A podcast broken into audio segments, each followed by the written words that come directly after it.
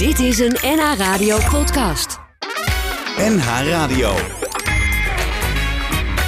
Tekst en uitleg. Jos Heremans.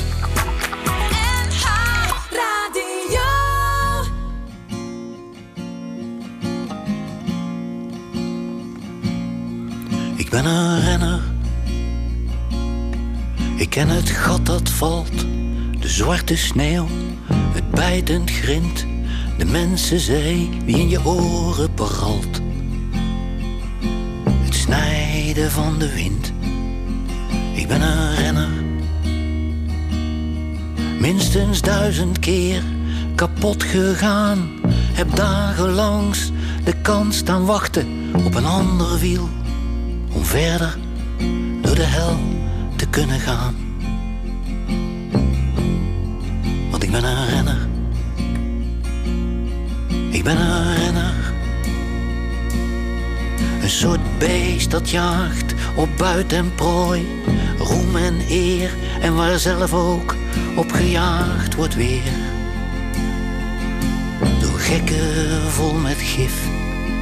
Ik ben een renner. Ze hebben me in de sloot geduwd, me recht in mijn gezicht gespuwd om me te leren hoe het gaat en dat je er nooit over praat. Want ik ben een renner. En in sportlokaal, het valse plat, daar hangen ze aan de bar en roepen dronken naar elkaar dat ik de Tour ooit nog eens win. Ik ben een renner. Ik voel me slap en ziek, een zwabbervot, een noodsignaal. Als ik het nu niet haal, dan is mijn toekomst de fabriek. En dat wil ik verdomme niet, want ik ben een renner. En zie ineens is daar het wonder weer en gaan mijn benen wondermooi tekeer in beheerste razernij. En is de glorie weer voor mij.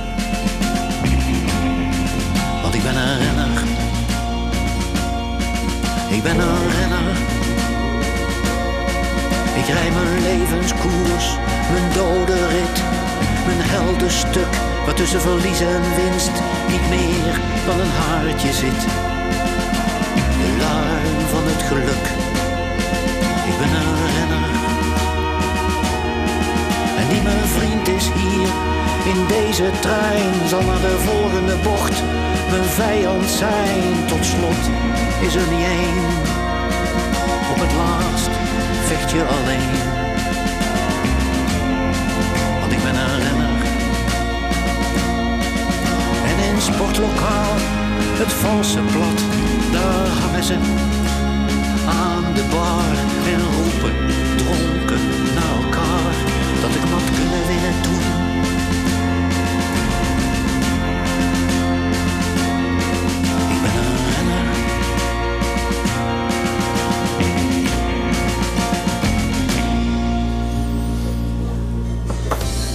Goedemiddag, welkom bij eh, Tekst en Uitleg op deze eh, zaterdagmiddag. Eh, We gaan het komende uur praten met twee schrijvers. En dat doen we voor de gelegenheid in Boekhandel Venstra in Amstelveen. Waar we gezellig zitten tussen de mensen die aan de koffie zitten. Het appelgebak en alles wat daarbij hoort.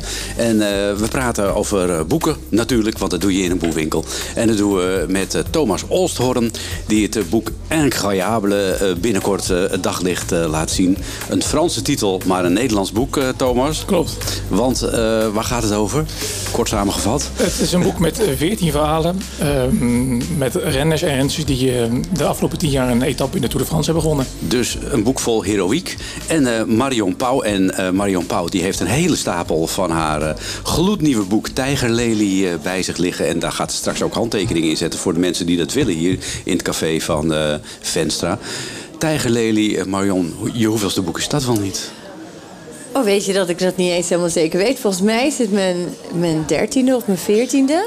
Zo. Ja, En eh, twee keer heb jij al de Gouden Strop gewonnen. Dus eh, dit wordt de derde dan waarschijnlijk. Je weet maar nooit, hè? Nee. Was het lastig om, eh, als, je, als je zegt het zoveelste boek, om er weer aan te beginnen dan? Aan een thriller? Of heb je zoiets van, nou, ik heb altijd wel weer een, een macaber idee in mijn hoofd? Nou ja, kijk, wat, wat er mak wat makkelijker wordt, is dat je gewoon wel weet hoe je een boek moet schrijven. Oh, hoe, schrijf- hoe doe je dat? Ja, maar je weet ook dat je het kunt. En je weet ook dat je door verschillende fases heen gaat tijdens Mhm. het schrijven. En je weet ook hoe je jezelf het beste kan managen tijdens dat hele proces. Dus je raakt niet meer zo in paniek van... oh jee, gaat het ooit lukken of kan ik het wel? Ja. Ik bedoel, dat, dat heb je niet. Maar ja, het is wel iedere keer wachten op het gouden idee. En ik wil ook niet een boek gaan schrijven waarvan ik denk... nou, ik vind het idee matig, maar ja, weet je, ik heb niks anders te doen... dus ik ga dat maar doen. Dus ik ga ook echt alleen maar schrijven Ja. wanneer ik denk... oh, dit is echt geweldig, hier moet ik iets mee. Ja, en, wanneer kwam het gouden idee eh, voor dit eh, boek? Nou, dat, dat kwam eigenlijk. eh, ik had in de expeditie Robinson gezeten. En dus vandaar dat ik op het spoor was gebracht, gebracht van toxische groepsdynamiek. en eh, ja, dat kun je zeggen, ik ja. denk, hmm, nou, misschien kan ik hier nog wel eens iets mee. En vervolgens ging ik met mijn man met de daktent gingen we reizen door Spanje. En we kwamen in de Pyreneeën. En het was aan het regenen. Dus we dachten, nou, vannacht even in een hotel. En bij Bielsa in de buurt eh, was er aan een doodlopende weg... echt een heel onheilspellend gebouw tussen twee bergkloven in. En, en het deed me een beetje denken aan Hotel Overland uit The Shining. En we checkten daarin. En het was ook echt zo- zo'n interieur wat niet meer was veranderd sinds de jaren zeventig. En heel ouderwets. En heel, alles kraakte en piepte en tochtte. En toen vertelde die receptionist ook nog dat, er, dat het hotel iedere twee maanden of iedere winter twee maanden dicht is. Omdat het dan helemaal ingesneeuwd is. En toen Zo. dacht ik, oké, dit, Dit is, mijn mooi setting. thema, dit is perfect. En toen ben je er langer gebleven ook meteen. Eh, ik ben er toen drie nachten gebleven. Niet langer. Het spookte ook echt een beetje in het hotel. Het was echt een heel... Ja, ja, ja. ja, Ja, en alles rook ook zo heel muf. Zo'n lekker muf en ja, nat. echt zo'n heel muf hotel was Ja. het. Fantastisch, ja. Nou, wat er allemaal gaat gebeuren, dat gaan we straks bespreken. Want eh, dat is namelijk de inhoud van het boek eh, Tijgerlady. Nu we toch in de Pyreneeën zitten, eh, Thomas Holsthoorn. Eh, jouw boek Incroyable, eh dat klinkt Frans... maar het gaat om de heroïsche prestaties van mensen... die een toeretappe hebben gewonnen. Dat zijn er nogal wat. Dat zijn er nogal wat inderdaad. Ja, en als je daar een boek over gaat maken, dan moet je natuurlijk een selectie maken. Zeker. Ehm, dus toen ik de vraag kreeg van de uitgever om dit boek te maken, ehm, toen dacht ik, nou ja, wat, wat, is, wat is handig, wat is, wat is interessant? En ehm, toen kwam ik al snel uit bij ehm, ja, wat recentere winnaars, omdat Ja. wat de neiging hebben om eh, prestaties die niet zo lang geleden gebeurd zijn, toch ook wel snel te vergeten soms. Ja, het hangt er ook een beetje vanaf hoe oud je bent natuurlijk. Hè? Iedereen heeft zo zijn eigen heroïsche eh toeretappenwinnaar, denk ik. Ja, ja, inderdaad, iedereen heeft daar een, een, een persoonlijke herinnering aan, inderdaad, of een plek of Welke, was. welke is dat bij jou bijvoorbeeld? Dat je denkt van, oh ja, ik weet het nog, de 13e etappe 1968. Toen, Nou, ja, ik, nee, dat weet ik nog wel. Dat was ehm, de overwinning van Michael Bogert op La Plagne 2002. Ja, met doping. Eh, ja, dat, heeft, dat is... eh, Maakt het dat minder heroïs? Nou, toen voor mij niet, want ik was toen eh 15. Mhm. En ik was op vakantie met een vriendje, een schoolvriendje, met zijn ouders. Ja, Wij zaten in, volgens mij ook in Frankrijk of in It- Italië op de camping toen. ja. En eh, ja, dan zit je met z'n allen daar voor zo'n tv'tje te kijken. En een Nederlander, Rabobank. Ja, dat was wel een heroïsch. eh, ook de manier waarop die won. Ja. Lange solo. Lens Armstrong die nog achter hem aankwam. Dat was wel een... eh, Ja. dat, is wel blijven hangen. Ja. ja, bij mij blijft hangen. eh, heb jij dat ook trouwens, Marion? Even, want ik begin meteen wel over mezelf. Maar heb jij een beetje, beetje een toer-etappe-winnaar die jou is bijgebleven? Ik weet echt letterlijk niets over wielrennen. Ik Oh. weet dat Joop Zoetemelk ooit een wielrennen deed en Thomas Dekker. Ja, en ja. dat is het. Ja, en, en Thomas Dekker die heeft er gewoon heel En eh, goed nu op je zegt over- Michael Bogart, denk ik, oh ja, die naam Die ken komt ik me ook ook wel. bekend voor. Ja. Maar dat Ja. is het. Oh ja, nou Ja. Ik, ik moet dus altijd denken aan Tom Dumoulin... die met bliksem en regen Ja. en hagel een berg op fietste Andorra. in de, in, Andorra, Ja. in de Pyreneeën. En daar wint. Dat, dat was niet alleen heroïs, dat was bijna eh, krankzinnig... dat hij toch doorfietste. Ja, Maar goed, dit ja. geheel terzijde. Staat hij er ook in? Eh, nee, die staat er niet in. Maar die nee. komt in je volgende boek. Mogelijk wel, inderdaad. Ja, ja. Nee, dit zijn eh, Nederlanders, Nederland, ja, Nederlandse renners, paar Belgen en ook wat, ja, wat meer internationale renners. Omdat ik het ook wel heel interessant vond om. Eh, vorig jaar was er bijvoorbeeld een Canadese jongen die een toeretappe won, een jongen uit Australië.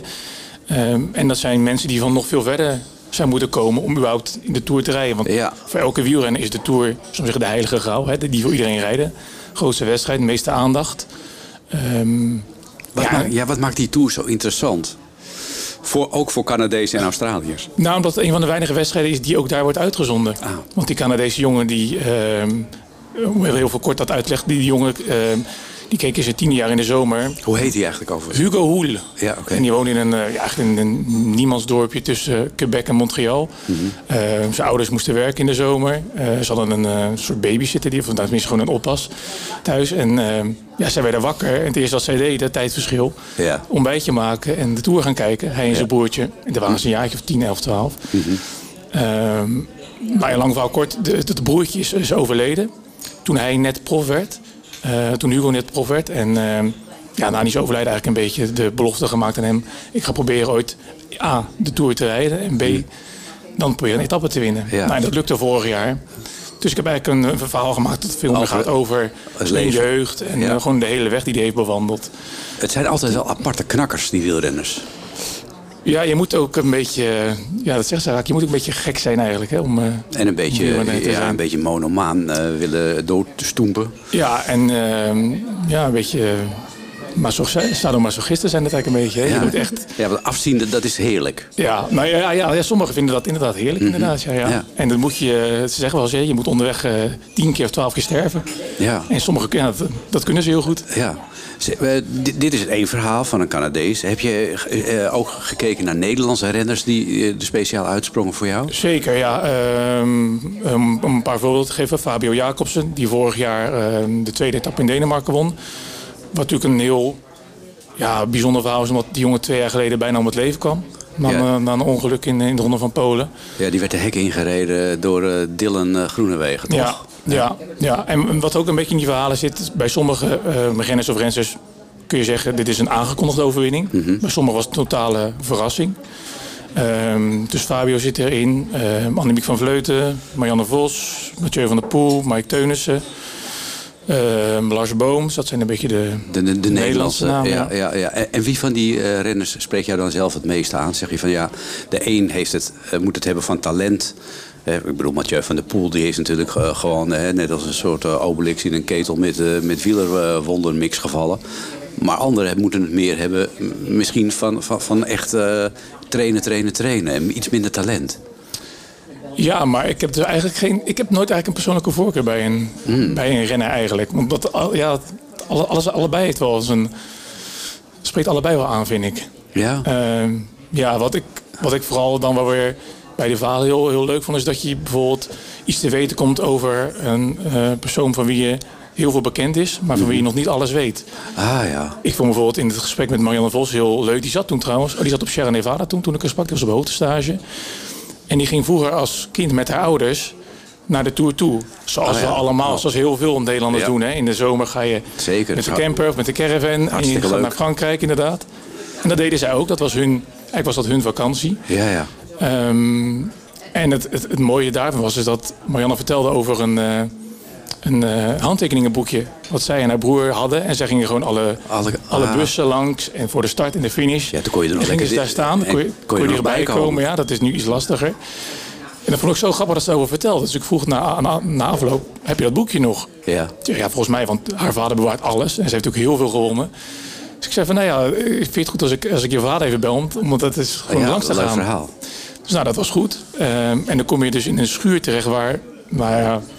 We zitten hier met heel veel boeken. Nou ja, evenveel trofeeën en prijzen stonden er. Allemaal in het schuurtje. Oh ja, 800 bekers en trofeeën en nog meer truien. En het was echt ongelooflijk. Maar daar ligt dus ergens tussen al die stellingkasten met prijzen... eh, het ligt op een tafeltje, op het hoekje liggen er eh, van die oude... eh die bruinzeel aantekeningenboekjes met zo'n papegaaitje erop. En daar staat dan allemaal handtekeningen en wat fotootjes en zo. Dat vond ik zo grappig. Dus daar heb ik eigenlijk een beetje het, Ja, dat is wel mooi, het ja. verhaal be- begonnen, zullen we maar zeggen. Ja, mee. ja, en later staan ze allemaal voor haar in de rij om een handtekening te Precies, en dat, was natuurlijk, dat maakte de rond. Nu af, afgelopen jaar ehm, won zij twee etappes. eh droeg de gele trui, terwijl ze zelf ook, ook zich hard heeft gemaakt... Hè, om voor Ja. de Tour voor Vrouwen weer op de kalender Ja. te krijgen. Dus ja, dat maakt het verhaal wel heel mooi Ja. rond, vond ik. En ze blijft lekker lang doorfietsen ook. Hè. De wielrenners weten over het algemeen niet van ophouden. Dat klopt, ja. Dat klopt. En Ja, vroeger, dat gold een beetje zo met, met alles met sport. Was een beetje de algemene opinie van ja, met 35 jaar is het wel mooi geweest. Of dan... Maar nu, eh, en dat geldt voor Marianne Vos helemaal, dat zijn zulke liefhebbers. Die willen gewoon, die willen gewoon, en het maakt ook niet uit of, of ze nou één keer of in haar geval, eh voor mij is het 242 officiële profzegers op de weg. Kijk. Het spelletje, hè, de liefhebber, de, liefhebberij, dat overwint alles. Dat overwint Ja. alles. Eh, de Italiaanse weg, zeg jij dat wat? Zeker. Daar gaan we het zo over hebben. Maar we gaan eerst naar luisteren.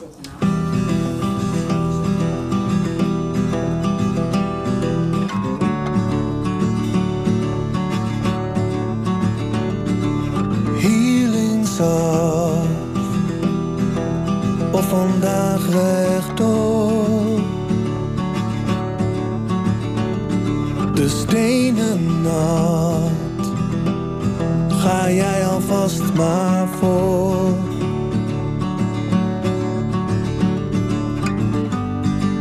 Hoe zijn de benen? Je hartslag oké.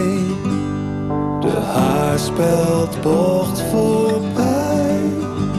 Ga maar voor je snelste tijd.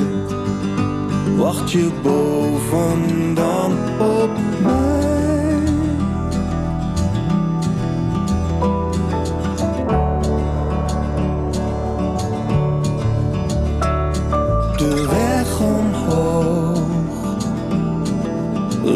Dan gedacht.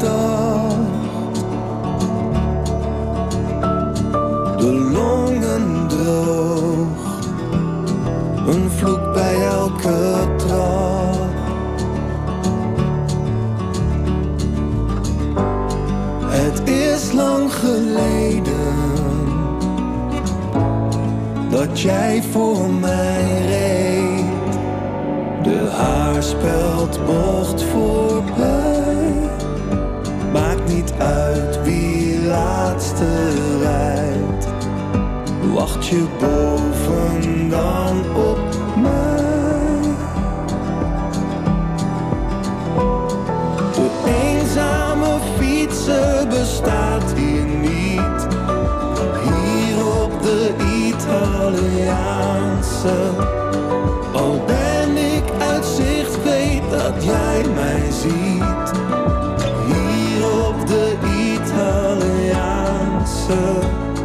De haarspeldbocht voorbij. Weet nog goed wat jij toen zei. Wacht je boven dan op mij? Ja, wacht je boven dan op mij. Dat was de laatste zin van De Troubadours en uh, Blauwzoen. Het nummer heet uh, De Italiaanse Weg. De gast uh, vanmiddag in tekst en uitleg Marion Pauw over haar boek Tijger Lady, haar nieuwste thriller. En Thomas Olsthoorn over zijn boek Incroyable... over memorabele etappenwinnaars in de Tour de France. En De Italiaanse Weg vroeg ik voordat het nummer begint, Kedi. Nou, vertel jij het maar wat, wat de Italiaanse weg is. Nou, volgens mij is dat een klimmetje... Um, ik even twijfelen, is die op de, ja, op de Veluwe geloof ik Ja, bij, Arnhem. Hè? Bij Arnhem daar, Bij ja. Oosterbeek. Ja, ik heb hem wel eens opgereden. Ja. Een tijdje geleden, tenminste. Een behoorlijke tijd geleden. Uh, maar ja, die, een stevig, pittig klimmetje ja. bij Kasteel Doorwerth. Ja. En uh, ja, die, dat heet de Italiaanse weg. Uh, waarom, daar zullen we nog wel een keer achter. Dat weet ik, dat weet ik ook niet precies. Nee. Maar iedere, iedere wielrenner die, die, wil, die wil hem een keer ge, ge, gereden hebben eigenlijk. Ja. zo ook de Troubadours en Blauwzoen. Nou ja, dan ga ik je natuurlijk ook niet vragen waar de naam Blauwzoen vandaan komt. Dat heeft ook met de naam van een Deense wielrenner te maken. Ja, precies. Ja. Dus alles, alles valt in elkaar. Ja. ja. die heeft zichzelf een artiestennaam gegeven uh, naar, een, uh, naar een Deense wielrenner. Maar goed, dit geheel terzijde. Jouw boek uh, over die uh, incroyabele etappe-winnaars in de Tour de France. zitten daar ook Fransen tussen? Er zit één Fransman tussen. Ja, Ja, want dat vroeg ik me dus af. Want het boek heet Incroyable. Er zal toch wel een Fransman tussen zitten? Ja, daar hadden we het ook had ik het met, met mijn redacteur bij de uitgever over. Inderdaad, we hadden een lijstje gemaakt. En gegeven moment kwam tot de conclusie: oh, wacht, er wordt eigenlijk wel een Fransman in. Jazeker. Uh, maar uh, zoals wij met, als Nederlanders al een tijdje op een volgende opvolger van Joop Zoetemelk wachten, wachten de Fransen ook al een tijdje. Ja. Sinds 85. En wie is, wie is het geworden? Christophe Laporte. Akka, en waarom? Eh, nou, dat is de laatste, want die won vorig jaar won die een etappe. En het leuke haakje daarin is, is dat hij voor Jumbo-Visma rijdt. Nederlandse ploeg. Ja. Ehm, en wat dat ook alweer leuk maakt in, in zijn eh, verhaal is... hij is vorig jaar echt als knecht naar de Tour gegaan. En die jongen reed daarvoor acht jaar in, eh in Franse dienst bij een Frans ploegje. Daarbij is de Tour helemaal de belangrijkste koers van het jaar. Acht jaar lang geprobeerd een etappe te winnen. Eh, in een vrije rol. Nooit gelukt. Ehm, en dan gaat hij nu met Jumbo-Visma naar de Tour. En daar was het doel de Tour winnen, de gele trui. En hij moest zich wegcijferen voor de kopmannen Primoz Roglic en Jonas Vingegaard. Ja. Ehm, en dat wist hij ook. Dus hij wist ook van ja, ik ga, geen, ik ga hier geen etappe winnen. Dat is niet voor mij weggelegd. Eh moest ook vooral voor Wout van Aert, die voor, ook voor de groene trui ging, zich wegcijferen. En toen in de etappe, eh, moet ik even goed zeggen, eh, 19, als ik het goed zeg, 18 of 19, dient zich toch een kans aan. Op het allerlaatste moment eigenlijk, want eigenlijk is die etappe ook voor Wout van Aert perfect. Ja. Alleen de dag daarna is er een tijdrit en Wout van Aert geeft aan, toch beter als ik me spaar voor, Voor de morgen. tijdrit, ja. Eh, Christophe, ga, jij er maar voor. En die jongen verandert dan eigenlijk zoals hij het dan vertelt. Hij vertelt een beetje hoe hij dat beleeft. En die heeft het hele, echt de hele tour heeft alleen maar achterom gekeken. Naar, de, naar zijn kopman in een, hè, die in zijn Ja. wiel zat. Die die veilig naar de finish moest loodsen of ergens moest afzetten. Ehm, en doet in één keer hè, zijn blik vooruit. En verandert van een knecht in een soort jachtluipaard echt. Als je die finale ziet. En weg is hij. En weg is hij. Ja. En wint. Ja, dat zijn mooie verhalen. Ja. Staan allemaal in je boek Incroyable, eh uitgegeven door Ambo Antos. En eh, vanaf, wanneer ligt het in de winkel? Want je, eh, het ligt nu nog bij de drukker. Ja, ik heb twee dagen geleden de, de, het laatste blik op de drukproef geworpen. Eh, 21 juni. 21 juni. Ja. Heb je het ruim op tijd, kun je dat in de boekhandel halen. Dan heb je de hele Tour de France, heb je er lol van. kun je iedere dag een, een etappewinnaar Eh, even, even lezen. Of als je iemand tegenkomt in het peloton. Als je op, eh, op vakantie bent, dan denk je, hé, hey, daar is een leuk verhaal over. En dan heb je dat boek van eh, Thomas Olstorn. We maken de overstap van het fietsen naar de Pyreneeën. Waar we in een bedompt hotel een groep mensen aantreffen. Marion Pauw. ja, die... die het daar met elkaar moeten zien uitvogelen een maand of twee. Dat is het gegeven van jouw boek, kort samengevat, toch? Ja. En wat zijn dat voor mensen? Nou, het zijn studenten. Ze wonen bij elkaar in huis. Eh, alleen op het allerlaatste moment neemt een van de studenten een oud klasgenootje mee. En daardoor verandert eigenlijk de hele dynamiek. Eh, ja, waardoor er dus een toxische sfeer ontstaat. Vind ik een mooi woord, toxische ja, sfeer. Toxische sfeer. Ja, ik heb ook heel erg veel onderzoek gedaan naar groepsdynamieken. Want dat Mhm. vind ik, eigenlijk vind ik, naast het schrijven zelf, vind ik een van de leukste dingen dat ik heel erg veel research doe. En Mhm. dus zelf ook heel erg veel leer over de onderwerpen waar ik over schrijf. En eh, ik heb dus met. Eh, met een aantal mensen gesproken over ja, hoe kan het dat het in de ene groep Mhm. en vree is en dat het in de andere groep eh, En ben je erachter gekomen ja, hoe dat zit? zeker. Ja? nee, je, hebt gewoon een aantal factoren waardoor een groep eh, eigenlijk onveilig wordt. Mhm. En dat is als de groepsdruk hoger wordt. En dat is als er geen duidelijke hiërarchie is. Mhm. Dus dan kan er ook al snel een beetje gedoe ontstaan. Als er dan ook nog eens een keer een geïsoleerde omgeving is. Dus mensen kunnen geen kant uit. Mhm. Als er ook nog eens een keer eh, bepaalde prestaties bereikt moeten worden.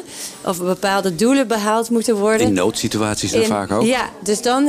eh, dan, eh, ja, dan, dan en, en er zijn ook nog een paar mensen die zeg maar een soort negatieve le- leiderschapsstijl hebben. Ja, dan kan het dus heel snel ontzettend uit de hand Ja. lopen. Ben jij zelf een beetje groepsmens? Nee. nee. Nou, weet je, ehm, ja, ik, ik, ik woon een groot deel van het jaar in Spanje. En dan woon ik gewoon letterlijk op een berg. En ik kom misschien één keer per week die berg af om eh, naar de Lidl te gaan. En dat is het.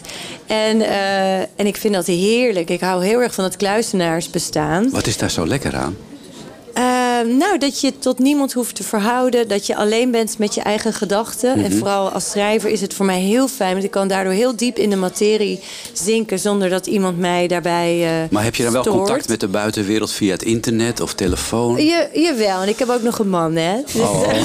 Nou, gelukkig. ik heb met hem, nou, maar ik vind het ook heerlijk om helemaal alleen te zijn, hoor. Ik ben ook wel eens echt een maand daar alleen op de berg geweest. Ik vond het zalig. Ja. Het was echt een ontdekking voor mij. Ik hoor ook van heel veel mensen eh, dat ze tijdens de corona ontdekte dat ze helemaal niet zo extravert waren als ze dachten. Dat ze dachten, het is eigenlijk heerlijk om Misschien is dat ook alleen maar een verplichting ook, hè? Ja, ja, ik vind het heel fijn om helemaal een lege agenda te hebben. En gewoon ja, dan helemaal je eigen ritme te ontdekken. Wat, ja, hoe ik het fijn vind om de dingen te doen. Ja, en toen je dit boek schreef, Tijger Lely, eh, heb je je toen ook afgezonderd een hele periode? Eh, nee, nou, ik was een groot deel was ik gewoon i- op de berg. En eh, dan was, liep wel mijn man rond. Maar op een gegeven moment, eh, nou, tegen het einde liep ik een beetje achter op schema. En toen heb ik wel, ben ik wel even twee weken aan de kust gaan zitten in een klein appartementje. En toen heb ik ook gewoon echt alles eruit gegooid. En toen ben ik heel monomaan alleen maar gaan schrijven. Maar dat is ook niet helemaal... Daar word je wel een beetje raar van in je hoofd, hoor. Hm, ik zei ook... Nou ja, je wordt, je wordt wel een beetje koekeloekoe. Want je, je, je, je verliest dan wel een beetje je contact met de werkelijkheid. En je zit dan zo in, een, In je verhaal. In je verhaal. Dat, dat, je komt hem, en alles staat helemaal open. Dus als je dan weer terugkomt in je normale leven... dan moet je echt even... eh, bijkomen en omschakelen. Maar ja, soms moet je even Moet een je- sprintje trekken en dan, dan doe je dat. En het werkt wel heel Ja, goed. nou, het sprintje is gelukt, want het boek is klaar. Ja, dat ligt hier voor ons. Dat ga je straks voor de mensen die dat willen hier in de boekhandel... ga je dat ook signeren. Eh, want we zitten voor de gelegenheid met tekst en uitleg... in de boekhandel Venstra in Amstelveen. En we gaan eh, luisteren naar Boudewijn de Groot. Het is eindelijk een feit. Ik weet, ik ben volwassen. Ik moet nu op gaan passen met werk en geld en tijd. De jaren zijn voorbij van luieren en leren, onschuldig pot verteren, beschonken zijn en blij. Ik heb een vrouw, een kind, een doel om voor te leven, maar gisteren dacht ik even, waar is mijn beste vriend? Met wie ik in het leven attaqueerde en Franse thema's leerde en met dezelfde spijt. Het meisje heb gekend dat onze harten roofde en zich daarna verloofde met een derdejaars student. Die jongen uit mijn klas, die ouder was in jaren en daardoor meer ervaren van wie dat boekje was dat later op een dag door vader werd gevonden, waarin die plaatjes stonden, waarop je alles zag. De vriend die alle pret en zorgen met me deelde, de stoerheid die we speelden, de eerste sigaret. De eerste kuiseizoen, gekregen van een meisje, in ruil voor chocoijsje, waarvoor ze het wel wou doen. De vrienden uit die tijd, waar zijn ze nu gebleven? En soms denk ik wel even, raakte ik mezelf soms kwijt.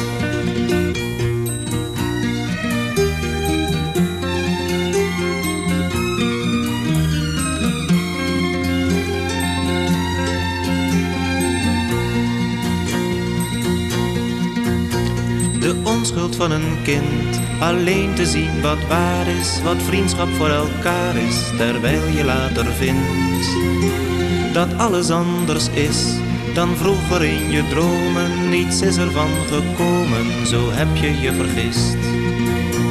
Ook ik heb vroeg of laat dat liedje wel gezongen van beste brave jongen, maar met een hart vol haat.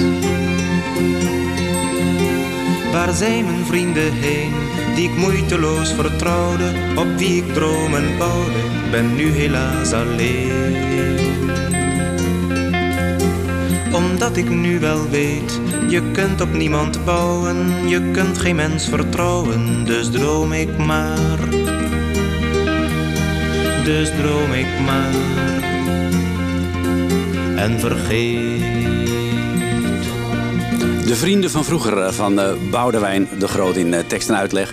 En we zitten met tekst en uitleg deze week in Boekhandel Venstra in het stadshart van Amstelveen. En we hebben Marion Pauw over haar boek Tijgerlely Lely. En Thomas Olstorn over zijn boek Enkgajabelen over memorabele toeretappenwinnaars. We hadden het net, Marion, al even over het, de toxische mix die je krijgt als je mensen bij elkaar zet. Wat zijn het voor mensen die je bij elkaar hebt gezet in jouw boek in dat verlaten hotel in de Pyreneeën?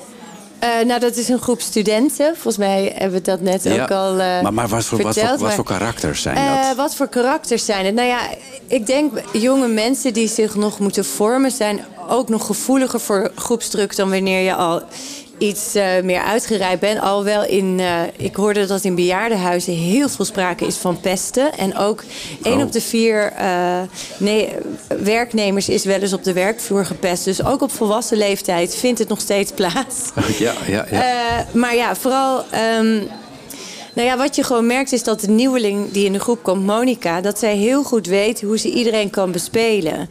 Dus zij snapt precies wat mensen nodig hebben, wat ze graag willen horen.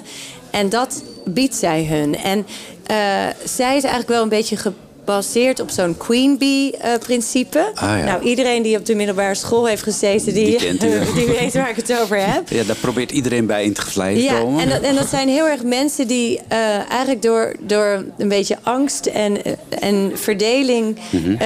te creëren, binden ze mensen aan zich. Dus mensen, ze, ze creëren een, een soort negatieve binding. Dus Mhm. je, je voelt ook dat je, je een beetje op je tenen gaat lopen voor die persoon. En dat je je best gaat doen om eh, in de buurt te zijn, in het gevleid te zijn. Terwijl als je erover nadenkt, denk je... ja, maar eigenlijk vind ik haar niet eens aardig. En toch doe ik dat. Ja. En dat, dat, is een, ja, dat is iets heel erg... Hoe zou eh, dat ontstaan? nou ja, dat, dat ontstaat inderdaad omdat ze gewoon een, e- erg dominant zijn. Dus Mhm. een enorm hoog dominantieniveau hebben.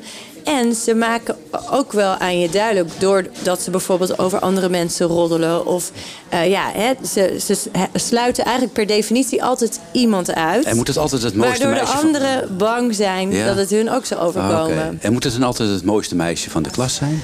Ehm, niet per se, maar wel het, misschien wel het dominantste meisje Oh, van de klas. zo, ja, ja, ja. ja. Ja, want de, de, de hoofdpersoon in jouw boek, hè, we hebben het nu over Ja. Monica, dat is eigenlijk niet Monica, maar Lily. Ja. Eh, want eh, Lily is eh, degene die ook de connectie heeft met het Spaanse hotel. Ja. Leg eens even uit. Nou ja, het, is Mhm. haar, het hotel is van haar oom. en, eh, en hij vraagt haar of, of zij met haar huisgenoten in de winter twee maanden op het hotel wil passen. Ja. En zij denkt, hartstikke leuk, dat wordt een fantastische vakantie in de sneeuw. En zo verkoopt ze het ook aan haar huisgenoten. Mhm. Alleen op het moment dat ze daar zijn, is er sneeuwstorm na sneeuwstorm. En zit ze eigenlijk gewoon de hele tijd in het hotel opgesloten. En eh, ze hebben ook heel veel taken die ze moeten doen om dat hotel te onderhouden.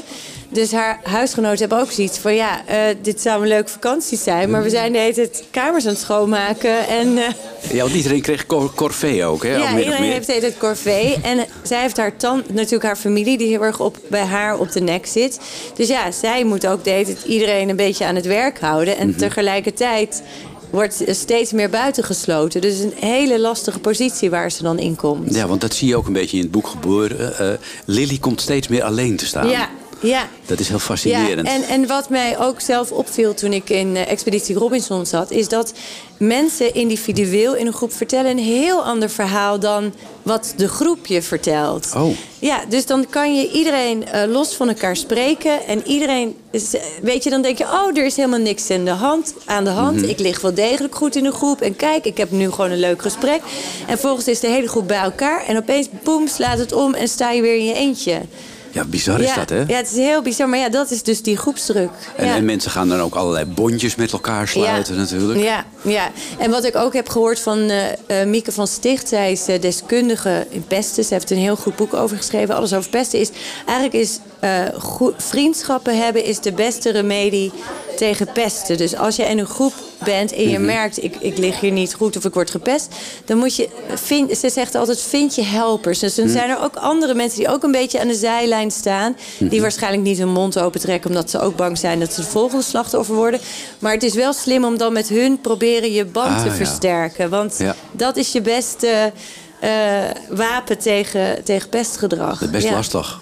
Om, Ja. om die stap te zetten ook. Om, om, om die eh, connectie aan te gaan. Ja, dat is het zeker. En, en wat je ook ziet, is, is dat je natuurlijk eh, steeds onzekerder wordt. Hè? Want je, eh, ja, mensen zijn toch vaak geneigd om te denken dat, dat er dus iets mis met je is. Omdat jij degene bent die eh, buiten wordt gesloten.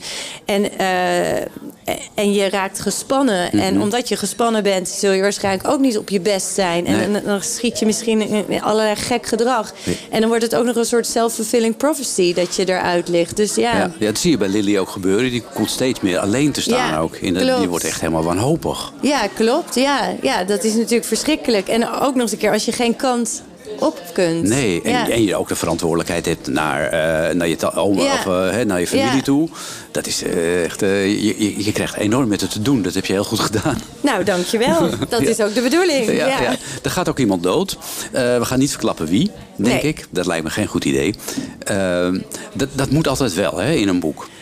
Eh, Althans in een thriller. In een thriller wil je wel dat er iemand doodgaat. Of dat er enorme dreiging is dat er iemand doodgaat. Ontvoering kan ook nog wel, denk Oh, ja. ik. Maar ja, nou ja, het kan ook zijn dat je dacht, ik schrijf hem zo, eh, het boek zo inderdaad, dat, eh, dat, dat je je aan het eind moet afvragen, oké, zou er iemand doodgaan of loopt het goed af? Kan ja dat, dat kan ook. Dat zou ook nog gekund hebben. Ja. Ja, ja. Ja. Is dat hele, want jij schrijft ook scenario's voor eh, bijvoorbeeld eh, tv-series en dergelijke. Is dat heel anders schrijven, zo'n thriller, dan, dan wanneer je voor zo'n serie schrijft? Ja. Ja, want bij een serie moet je van tevoren echt al alles uitdenken. Je moet allemaal samenvattingen inleveren, alles plotten. En Ah, iedereen zo. bemoeit zich al meteen ermee. Ja. Eh, waardoor ik vind dat wel echt je spontane creativiteit verloren gaat. Hm.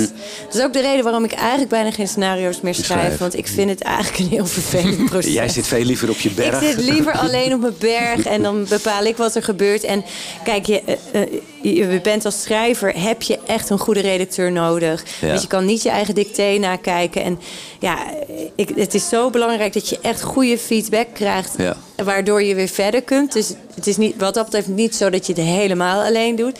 Maar het is niet zo dat er vijf verschillende mensen zich ermee bemoeien... en jou allemaal verschillende kanten opsturen... waardoor je het zelf op een gegeven moment Nee, daar word je meer gek weet. van, toch? Daar word je echt gek van, ja. Over eh, meer dingen, eh, hoe dit boek tot stand gekomen is, eh, gaan we het zo dadelijk hebben. Ja, het hele boek gaat eigenlijk ook over vriendschap. Nou, daar zingt het goede doel over. Dat lied kennen we allemaal. Dus dat zingen we gewoon vrolijk met z'n allen mee hier in Boekhandel Venstra in Amstelveen.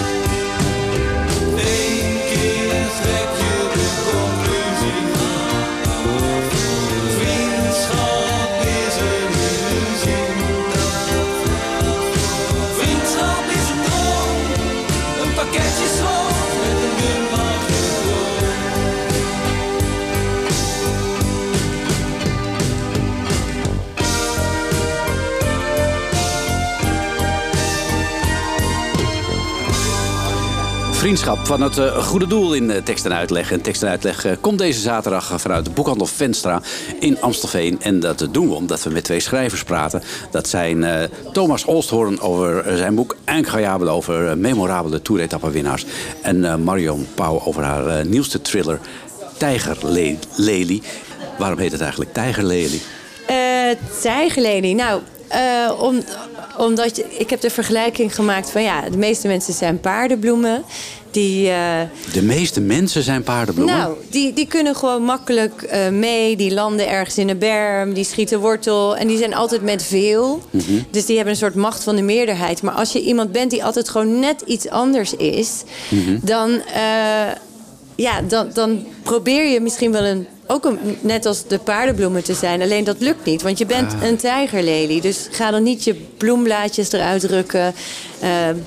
Accepteer gewoon, ik ben anders en, en omarm dat. Ja, en wie is de tijgerlelie in, jouw eh, in jouw boek, in dit boek? Nou, dat is Liliane. Ja. Die heet natuurlijk Lily. Maar Monica is wat mij betreft zelf ook een, wel een tijgerlelie. Oh, oh ja, ja, oké, ja, de ja. antagonist. Ja, Allebei. En wat mij betreft is eigenlijk iedereen een tijgerlelie. Want ik denk dat iedereen eh, uniek is. En, eh, en, en het is alleen maar mooi als je je uniciteit kan omarmen. Ja, dat is, dat is zeker zo. Ja, alleen wij worden zo geleerd om te zijn zoals de anderen en om ons aan te passen. Ik bedoel, we worden ons hele leven getraind om ons aan te passen. En dat is jammer. Ja. Heb jij dat zelf, eh, wanneer heb jij jezelf daarvan eh, losgemaakt? Wanneer werd je je bewust van, ik word een kant op gedwongen, dat wil ik helemaal niet? Oh, nou, daar heb ik verschillende bewustwordingsmomenten voor gehad, denk ik. Nou ja, ik ben heel erg christelijk opgevoed. Dus dat was al een van de eerste dingen waarvan ik dacht van... nou, hier heb ik geen zin meer in. Ja. En ehm, ja, ik, ik denk eigenlijk dat ik rondom mijn veertigste... heb ik echt wel een soort burn-out-achtig iets gehad. Dat ik Je wilde ook op een gegeven moment stoppen met schrijven. Ja, nou dat klopt. Toen wilde ik ook niet meer schrijven. Ik was er helemaal klaar mee. Ik kon het gewoon niet meer opbrengen. Ik was gewoon doodmoe. En ik denk achteraf gezien wel doodmoe gewoon van me aanpassen. En gewoon altijd alles voor iedereen proberen te zijn. En eh, toen ben ik echt wel een soort ontwikkelingstraject begonnen. Ik, heb ontzettend veel therapie gevolgd. Ik heb een basisopleiding haptonomie gedaan. Echt honderdduizend boeken gelezen. En ehm, ja, en dan, dan ontdek je eigenlijk wie je, wie je zelf echt bent. En je leert daardoor ook veel beter voor jezelf zorgen. En je weet daardoor ook, nou, dit past wel bij me en dat past niet bij me. En het allerbelangrijkste is denk ik dat je gewoon niet probeert te horen bij mensen die niet bij jou horen. Ja, is dat ook de, de tijd geweest dat je besloot van ik hou op met dat scenario schrijven? Eh, ja, dat is eigenlijk daar ook wel uit voortgekomen. Omdat ik denk, ja, dat, eh, daar Ja. kan ik helemaal niet. Weet je, ik moet daarbij zoveel. Mhm. eh, eh, ik moet zoveel rekening houden met zoveel mensen. En die wil dit en die wil dat. En ik ben op een gegeven moment bijna een soort uitvoerder voor andermans ideeën. Ik denk, ja, dat, dat wil ik niet. Nee, je moet bij jezelf blijven. Ja. Hoe is dat bij jou, Thomas? Ben jij eh, eh, ook in een bepaalde richting gestuurd waarvan je zegt van nou, daar wil ik, daar wil ik nog wel eens even goed naar kijken. Misschien ben ik wel helemaal geen wilde journalist. Ehm, goeie vraag. Ehm, eigenlijk niet. Eigenlijk doe ik wel wat ik wil doen, ja. Ja. En daar heb ik nog eigenlijk de luxe, vind ik zelf, dat ik freelancer ben. Eh, maar als freelancer heb je wel een enorme vrijheid, vind ik. Ja. Eh, ik kan in principe werken wanneer ik wil. Ik zit niet vast aan een 9 tot 5 baan, wat ik heel prettig vind. Nee, maar je moet wel leveren. Ik moet wel leveren, maar dat vind ik ook wel lekker. Naar zo'n deadline toewerken. Oh, ik ben ja. ook een beetje een deadline junkie, Ja. wat dat betreft. De meet, hè? Ja, naar de meet inderdaad. Ja, ja. En nu met dit boek, ehm, mijn reguliere werk. Ik werk voor het tijdschrift Pro Cycling. Eh, daar moest ook on- on- onder andere een Tour de France gids voor gemaakt worden ook. Oké. Dus, ehm, Je moet nog even gas geven de komende tijd. nou ja, die, die is nu al af. Oh, die is nu maar af. dat liep eigenlijk tegelijk met het proces van het boek. Ja, ja. Eh, maar ik vind dat altijd wel lekker naar zo'n deadline Oh, Oké. toewerken. En dat betekent soms dat je s'avonds moet werken. Ja. Soms s'nachts. Ja. Ik woon nog twee jonge kinderen, dus Oh ja, nou. dat is sowieso een beetje puzzelen. Maar dan, ja, eh, ja, ja, ja, maar ik vind die avond en die nou ja, nacht, dat moet je niet te vaak doen. Want als je te vaak te, of te lang te weinig slaapt, Dan, dan, dan eh, v- wreekt zich dat dan wel. vrees ik dat wel. Maar Ja. ik vind dat wel lekker, want dan is het lekker rustig. Ja, ja. En dan is alles stil. Dan heb je geen mailtjes en geen belletjes. Nee, dat is wel weer En dan waar. kan je lekker meters maken. Ja, en Marian zit eh, lekker stil op de berg Ja, om te ik schrijven. vind trouwens een hele mooie naam, Incroyable. Ja. Ja. Goed gevonden. Ja, dat was wel eh, een beetje zoeken. Zeker omdat het dan veertien verschillende verhalen Ja. zijn. Maar dat was zich wel grappig, want ik, ging, eh, ik had een lijstje gemaakt met eh, namen van renners en rensters met wie ik een, over wie ik een verhaal wilde maken. En eh, ik ging een beetje beelden op YouTube kijken van de finishers. En heel vaak hoorde je de commentator, commentatoren in Frankrijk zeggen... Ja. incroyable. Ja, of, ja, ja, ja, of ja. de Engelse incredible. Ja. En het mooiste was eigenlijk nog dat Fabio Jacobsen, eh, het eerste verhaal in het boek... ehm, die werd na afloop... ehm, als een ritwinnaar wordt altijd na afloop... eh, ze het eerste interview met, eh, echt met de organisatie. Ja. En zijn eerste woord ongeveer was... Incroyable. Nou ja, als hij dat dan ook Ja, zegt, dan, ja. eh, dan hebben we hem. Da- da- Ja, da- dan, is, dan is de titel binnen. Ja, Ja. ja, dat Ja. is toch wel duidelijk. Nou, ik vond het heel erg leuk dat jullie er waren om over jullie boeken te schrijven, eh, te praten. en ook dat jullie ze geschreven hebben. Eh, het boek eh Tijgerlelie ligt dus eh, vanaf eh, 30 mei in de winkel, maar nu al bij Boekhandel Venstra in Amstelveen. Eh, en eh, het boek Encroyabele komt 21 juni uit. En dan kun je daar eh, ook van genieten. Denk jij dat er weer een gouden strop in zit, Marion? Want je hebt er al twee gewonnen. Je weet maar nooit. Nee. Ja, nou ja, weet je, ik durf wel van mezelf te zeggen dat ik A, echt een vakvrouw ben. Ik, wil, ik lever gewoon echt geen half werk af. Zeker niet. Al moet ik dag en nacht doorgaan. Ik wil gewoon altijd echt een heel goed boek neer, neerzetten. Dus ja, en het is natuurlijk wel ook een juryprijs, de Gouden Strop. Dus of je hem uiteindelijk wint of niet, dat moet je maar afwachten. Maar het zou wel heel leuk zijn. Ik, ja. eh, ik zou het boek zeker meenemen als ik op vakantie ging. Want het is super spannend. Het is alleen jammer, je leest het denk ik in één dag uit. Dus ik zou ook nog andere boeken meenemen. dat, is, dat is wel waar. Goed, Marion Pauw, dankjewel. En eh, ook bedankt eh, Thomas Olsthoorn. Eh, het zit erop, het eerste uur van de tekst en uitleg. Straks na zes eh, gaan we gewoon eh, gezellig verder met eh, de mooiste liedjes die we kunnen vinden. Natuurlijk allemaal in het Nederlands. En om bij het onderwerp te blijven is hier Lily met Candy Dulver. Oh, Lily was weer. Leuk.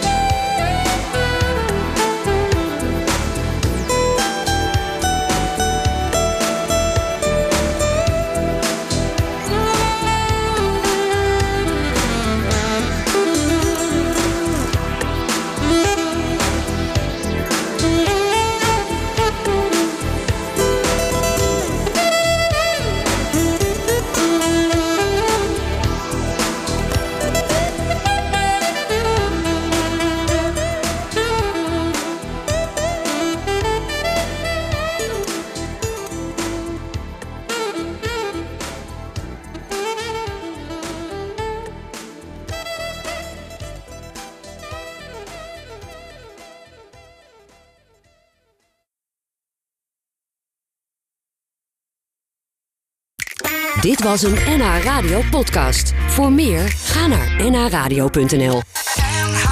Radio.